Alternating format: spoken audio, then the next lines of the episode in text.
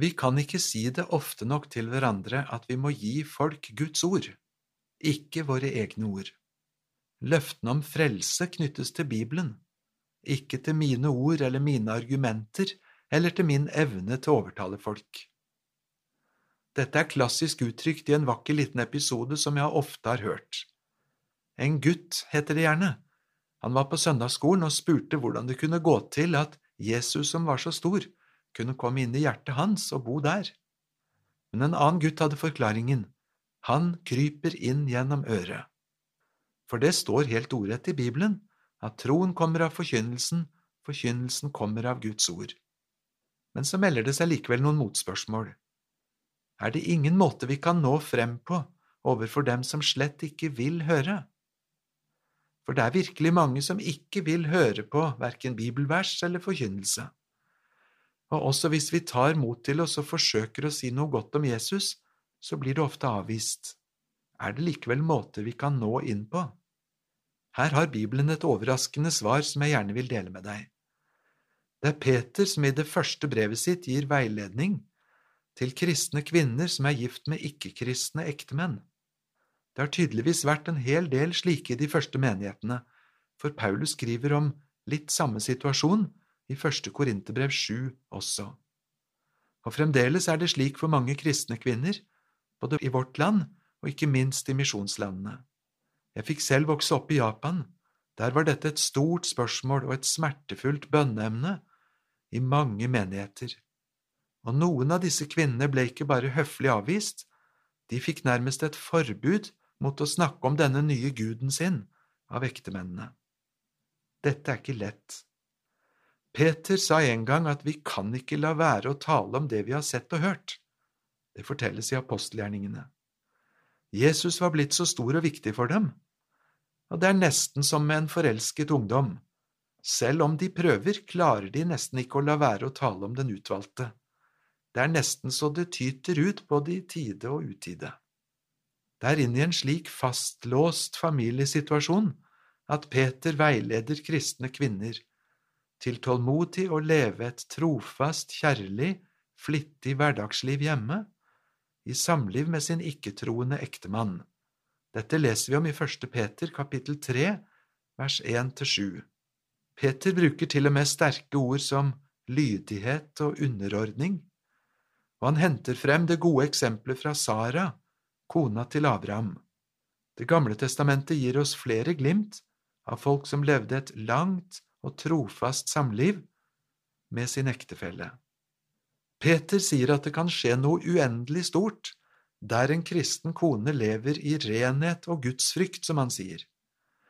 Og han peker på hvordan virkelig skjønnhet ikke handler om frisyrer, gullkjeder og fine klær, men om hjertet og det indre.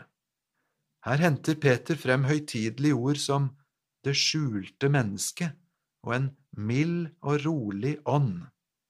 Slikt er dyrebart for Gud, sier han, for det verken falmer eller mister sin glans, ikke engang gjennom mange tiår av et samliv. Hemmeligheten ved et slikt liv er at disse kvinnene har lært å sette sin lit til Gud, skriver Peter. De stoler på at Gud vet en vei, selv om de ikke ser noen mulighet.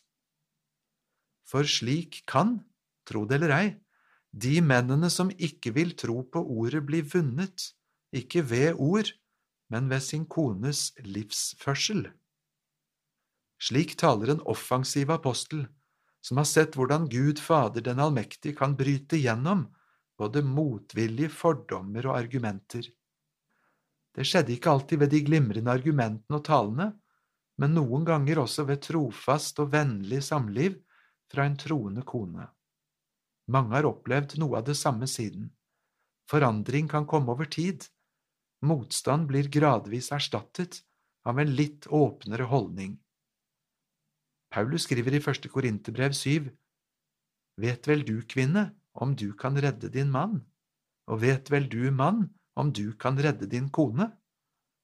Nei, det vet vi ikke, men det er en mulighet, for Gud kaller. Dette betyr neppe at Paulus anbefaler noen å gifte seg med en ikke-kristen. Et annet sted advarer Paulus direkte mot å dra i et fremmed åk sammen med en vantro. men til den som først er gift, er altså veiledningen slik at vi skal få be og håpe om at også en ikke-kristen ektefelle kan vende om i tide, og Gud kan det også uten de mange ord. Og samtidig, Gud respekterer et nei, ingen kan tvinge eller manipulere noen til ekte tro. Det er trist å tenke på hvordan slike bibelvers som de vi nå har lest, har blitt misbrukt til å tråkke på en ektefelle, til å krenke andre medmennesker. Det var så langt fra hensikten i denne bibelteksten. La oss være offensive i å bekjempe all undertrykkelse og til å løfte fram den verdi og verdighet som ethvert menneske har fra Guds hånd. Vi er alle skapt i Guds bilde. Men la oss i dag legge særlig merke til denne muligheten å bli vunnet uten ord. Gud kan. Du har lytta til en andakt i serien Over en åpen bibel, produsert av Norea Mediemisjon. Og andakten i dag var hentet fra vårt rikholdige arkiv, som du finner på norea.no. Nå i juli måned er det sommerferie for mange, og vår forbundstelefon den er stengt. Vi ønsker deg en flott sommer videre, og håper du tar kontakt igjen på vår forbundstelefon i begynnelsen av august. Gud velsigne deg.